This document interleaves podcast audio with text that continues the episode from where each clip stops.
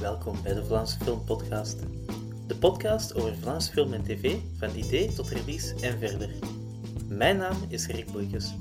De voorbije weken deed ik interviews met mensen die in Vlaamse film en tv werken over de impact van de COVID-19-pandemie op hun werk. Deze interviews worden uitgegeven als COVID-specials. Voor deze aflevering sprak ik met regisseur Wans de Stoop. We praten onder andere over zijn serie Albatros, waarvan de productie werd afgerond tijdens de lockdown. Het interview gebeurde op een covid-veilige manier via Zoom. Als ik je eind 2019 had gevraagd hoe 2020 er ging uitzien, wat had je dan geantwoord? Ik zou antwoorden dat sowieso het eerste deel van 2020 ging sowieso een, eh, een heel groot deel van de postproductie nog zijn van Albatros. Ik denk dat wij gestopt zijn met de montage, of de, de beeldloks, zoals dat dan noemt. Uh, is ergens gebeurd in, ehm, in januari, als ik me niet vergis. En dan ging eigenlijk de, de maanden daarop ging eigenlijk toegewijd worden aan, aan alles nog van klankafwerking en de muziek en zo. Alles van beeldafwerking, de grading en zo. Al die, die zo'n dingen. Ehm, en het tweede deel van, van 2020 stond eigenlijk nog volledig open.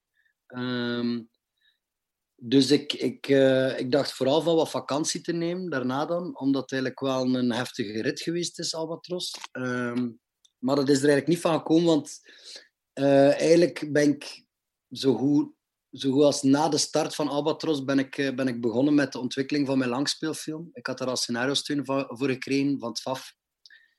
Voor Albatros eigenlijk nog, dus um, heb ik dan daarvan weer de draad opgepikt. En um, nu is dat ingediend bij het FAF, um, in de hoop dat we daar dus ontwikkelingssteun voor krijgen. Maar dat is nog spannend afwachten tot november. In maart ging het land in lockdown. Was je toen bezig met de postproductie van Albatros? Uh, ja, dat klopt. Eigenlijk zaten wij op het einde van de ADR's. En de ADR's, dat, noemde, dat is eigenlijk de term voor um, Additional Dialogue Recording. Dus dat is eigenlijk als je zo... Um, um, je kunt sommige zin nog opnieuw laten inspreken. Of een scène dat je toch nog anders vertelt dan dat ze is opgenomen als als we bijvoorbeeld een shot hebben uh, dat op mijn rug is, dan kan ik eigenlijk perfect nog iets opnieuw zeggen in de studio. Dus eigenlijk waren we daar aan toen en dat waren eigenlijk, ik denk dat we daar drie weken in totaal of zoiets mee zijn bezig geweest. Dus dat was eigenlijk nog het grote groepswerk. Want dat is dan met acteurs ook terug in de studio. En, um, en ik denk eigenlijk toen dat de lockdown net begonnen was, dat wij denk ik nog twee dagen ADR's of zoiets hadden. Dus ik heb heel veel geluk gehad dat groepswerk eigenlijk gedaan was voor Albatros. Uh, dus wij hebben natuurlijk onder, onder andere omstandigheden hebben wij dan um, die twee dagen ADR's nog, nog moeten opnemen. Maar ik kon eigenlijk perfect gaan in de mix gaan en dat is niet met veel volk rondom u. Um, uiteraard heeft alles wat, wat vertraging gekregen. Ik denk dat wij uiteindelijk begin juni alles moesten af hebben, omdat dat uiteindelijk eind juni geworden is. Dus in dat opzicht, um, in dat opzicht ja, heb ik, eh, hebben we wel wat vertraging opgelopen. Maar ik mag eigenlijk mijn beide handen kussen dat ik niet in het midden was van een shoot of, of iets waar dat er veel volk bij moest betrokken zijn. Dus ik ben eigenlijk altijd kunnen blijven doordoen op Albatros, weliswaar in andere omstandigheden. Want normaal gezien, bijvoorbeeld, om voorbeeld te geven met de muziek. Um, voor de lockdown heb ik met de muzikant echt in de studio gezeten en gezegd van oké, okay, ga het zo proberen en wat denkt je daarvan? En dat was nu eigenlijk gewoon niet mogelijk. Um, dus was dat heel veel via mail en via Skype en Zoom en FaceTime. Um, dus het is allemaal wel gelukt. Maar het was... Allee, ik vind het sowieso leuker om tussen de mensen te zitten en dat persoonlijk contact. Maar, uh, maar op zich is Albatros geen andere reeks geworden door de lockdown. In juli kwam Albatros uit op Telnet Play. Hoe ging de release? Verliep die anders dan verwacht door COVID? Um, die was anders dan verwacht, vooral um, omdat we geen première konden doen. Uh, dus eigenlijk wou ik super graag met zo iedereen van de cast en iedereen van de crew. Uh, het liefst van wou ik eigenlijk een scherm buiten zetten uh, in, in de nof waar we Albatros gefilmd hebben. En, um, en daar eigenlijk naar zo de aflevering kijken en een feestje daarna. Maar dat was dus nu allemaal niet mogelijk. Dus we hebben uh, een mini-première gehad. Eigenlijk enkel met de, met de cast. Um, en dat was ontzettend leuk, maar dat is gewoon jammer, omdat je werkt daar met zo'n grote ploeg aan. En dan is het jammer dat je niet met iedereen gewoon het, het, kunt vieren dat eindelijk af-af is. Ehm, en voor de rest was het, denk ik, dat zo heel die lockdown er wel toe geleid heeft dat, dat de mensen meer naar tv gekeken hebben en meer reeks wilden zien. Dus in dat opzicht denk ik dat dat nog positief geweest is voor ons.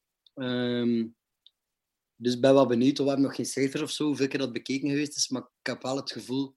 Ja, ik ben vooral heel blij, omdat het is heel goed onthaald geweest door de, door de pers. Hebben we, hebben we supergoeie recensies gekregen. En langs de andere kant heb ik ook zo berichten gekregen van, van eh, de man of de vrouw uit de straat in Limburg, bij wijze van spreken, die mij dan via social media of zo een bericht sturen dat ze ervan genoten hadden. Dus, dus in dat opzicht was het wel heel fijn dat dat, dat, dat een, een, een breed bereik gehad heeft. En hoe verliepen de interviews met de pers? Um, ik denk eigenlijk dat de interviews gekomen zijn op het moment dat zo net aan het versoepelen was. Dus dat was ergens uh, midden juni, dat ik denk dat je zo weer meer mensen mocht zien en zo. Um, dus in dat opzicht, normaal gezien is dat dan altijd ook zo'n grote, een grote persdag met alles en iedereen. Dus dat was dan ook weer in, in, in mindere mate.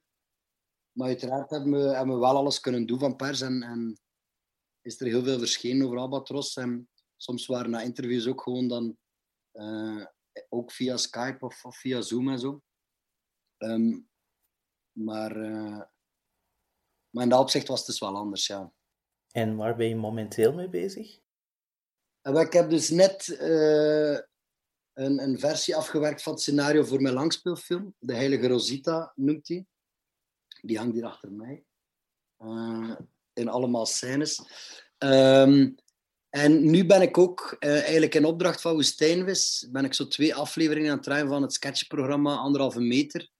Um, en dat is heel fijn, omdat dat een keer totaal iets anders is dan wat ik normaal zien doe. Dus ik ben nu in opdracht van de schrijvers en de spelers eigenlijk ook. Dat zijn Riek Vrijen, uh, Jelle de Beulen en Koen de Porter van Neveneffect ook. Um, en dat is heel tof, omdat dat een keer totaal iets anders is. En, en dat is eigenlijk ook iets van korte duur. Ik denk dat ik daar nu twee maanden aan mee bezig ben en zo. En dan is dat al op tv. Dus dat is wel geestig. En dan eigenlijk is de bedoeling om, um, om daarna vol een bak voor mijn film te gaan en, en verder, uh, verder te schrijven en, en hopen dat, dat ik die film um, binnen een jaar of binnen twee jaar zou kunnen draaien.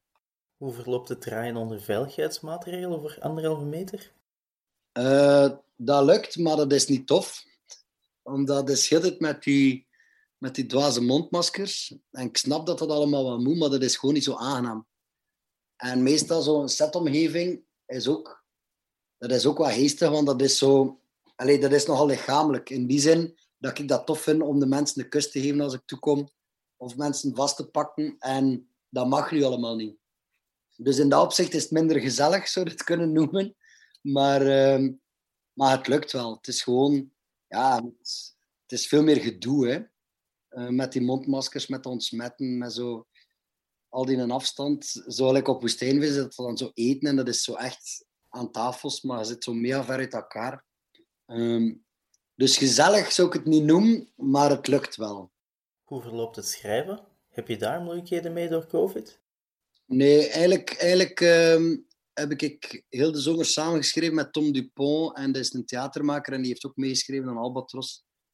Uh, en dat is ook de co-scenarist geweest van Cargo, van uh, de film van Gilles Collier, debuutfilm. Um, maar eigenlijk heb ik met Tom, hebben wij, heb ik met Tom in dezelfde bubbel gezeten. Dus wij hebben hier in ons schrijfkot hebben wij eigenlijk heel de zomer samen erop gewerkt. Dus in dat opzicht was dat niet, was dat niet anders dan anders. Zijn er onverwachte positieve kanten aan de gebeurtenissen van de voorbije maanden? Dat de mensen hebben geleerd om te onthaasten, denk ik. Voor mij persoonlijk dat ik terug mijn, mijn koersfiets van onder het stof gehaald heb. Um, dus ik vond ook wel in, de, in het begin van de lockdown, vond ik dat eigenlijk wel ergens heel plezant. Allee, zeker omdat ik heb, ik, ik heb kunnen blijven verder werken. Voor mij, de afwerking van Albatros is, uh, ja, dat is gewoon blijven doorgaan.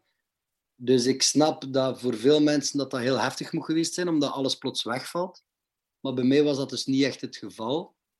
waardoor ik het geestig vond, omdat zo alles werd zoveel rustiger. En, en ik ben superveel gaan wandelen en ben naar podcasts beginnen luisteren. Dus ik denk dat dat voor heel veel mensen heftig geweest is. Zeker financieel dan, met werk dat wegvalt en zo. Maar langs de andere kant denk ik dat voor heel veel mensen ook wel gaat deugd gedaan hebben om zo een keer uh, afstand te kunnen pakken van onze gejaagde maatschappij, waar alles maar rapper en sneller moet. Um, en in dat opzicht denk ik dat dat wel goed was. Maar ja, ik denk nu niet dat dat, dat, dat nog een tweede keer moet gebeuren of zoiets. Want dan uh, denk ik dat er veel mensen zouden verzuipen. En zeker dan de culturele sector, die het, die het nog nooit makkelijk gehad heeft. Allee, dan denk ik gewoon als, als dat nog een keer de culturele sector zou raken, dan moet dat vreselijk zijn. Uh, dus ik hoop gewoon dat dat virus uh, snel weg is. Zie je de maatregelen volledig verdwijnen als er een vaccin is? Of zijn er die kunnen blijven? Ik denk sowieso dat op veel openbare plaatsen dat de maatregelen gaan blijven. In de zin van ontsmetten, uh, mondmaskers aandoen als je, als je op plaatsen zit met veel mensen die je niet kent. Um, dus ik denk, dat is een beetje hetgene wat je in Azië ook ziet, hè, dat, dat heel veel mensen nog met mondmaskers aanlopen. Dus ik denk wel dat er, dat er een hoop van die, van die dingen wel gaan blijven. Ik denk het grootste verschil gaat zijn dat er terug dat de mensen terug vol bak op café mogen en mogen dansen en naar festivals gaan. En ik denk dat dat wel nog een keer een, een, bommetje kan zijn, een keer dat dat terug mag. Um, ja. Dus je kijkt er ook wel naar uit? Wat zou wel zijn. Dat is ook in het begin vond ik dat nog tof dat de cafés toe waren, zo om één uur s'nachts. En dat we, op zich is nog altijd goed, want je hebt dan iets aan hun dag, de dag erna. Maar, maar dat is gewoon ook vaak gewoon jammer, omdat het nog geestig is. En sowieso festivals en concerten en, en theatervoorstellingen. En ik ben nu al een paar keer naar theater geweest en dat is gewoon... Ja, dat is gewoon jammer, omdat je zo... Je zit niet meer zij aan zij met andere mensen en je voelt dat veel minder. Iedereen zit verborgen achter zijn mondmasker. Dus dat is gewoon een, een totaal andere beleving. Uh, dus ik hoop gewoon dat we snel weer dichter bij elkaar mogen zitten als we het ding willen beleven en zo. Als er in de toekomst een nieuwe pandemie zou komen, hoe kunnen we ons daar beter op voorbereiden? Oh, dat vind ik een vrij moeilijke vraag. Wat denk jij, Rick? Je had al vermeld dat de cultuursector het waarschijnlijk geen tweede keer aan kan. Ja, ik denk, ja, dat is ook iets wat je overkomt. En ik denk gewoon dat je, dat je dat nooit kunt inschatten wat dat in een impact daarop is. En, en je zou het, ik zou het bijvoorbeeld echt ongelooflijk jammer vinden dat zo het geven van een hand of het geven van een kus, dat dat gewoon dat dat verdwijnt. Omdat ik denk van, dat is gewoon, dat zit in onze cultuur ook of zo. En dan vind ik dat zo jammer als, als, als dat een regel zou worden of zoiets om ons te beschermen tegen een, tegen een nieuwe pandemie of zo. Ik hoop gewoon dat er nooit meer een pandemie komt. Maar dat zal waarschijnlijk ook wel niet zo zijn, dus uh, ja. Ik wil Wannes graag bedanken voor het interview. Werkt u zelf in Vlaamse film en tv en wilt ook een interview doen? Dan kan je mij contacteren via social media of via e-mail op vlaamsefilmpodcast.gmail.com. De vorige aflevering kan u beluisteren via Apple Podcast, Spotify of de website vlaamsefilmpodcast.wordpress.com. Als u deze podcast interessant vond, kan u het aanraden aan vrienden, deel via social media of een review achterlaten. Feedback is ook altijd welkom. Deze podcast werd gemaakt door Rick Boeikes. Dat ben ik. De volgende aflevering van de COVID Specials komt binnenkort uit. Tot dan!